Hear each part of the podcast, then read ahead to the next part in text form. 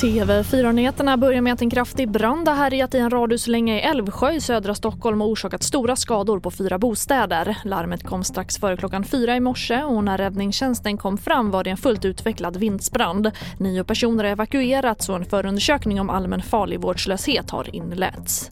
Just nu är den under kontroll. Vi är fortfarande kvar där och håller på med restvärdesarbete och eh, ventilerar bort rök och eh, eh, letar efter glödbränder då i konstruktionen.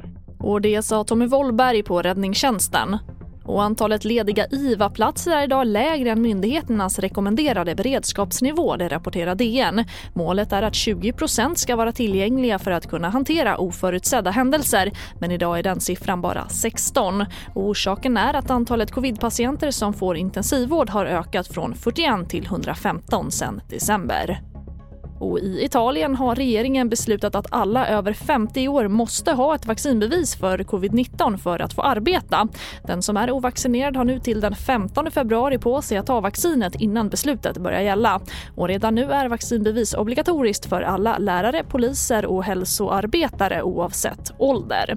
TV4-nyheterna, jag heter Charlotte Hemgren.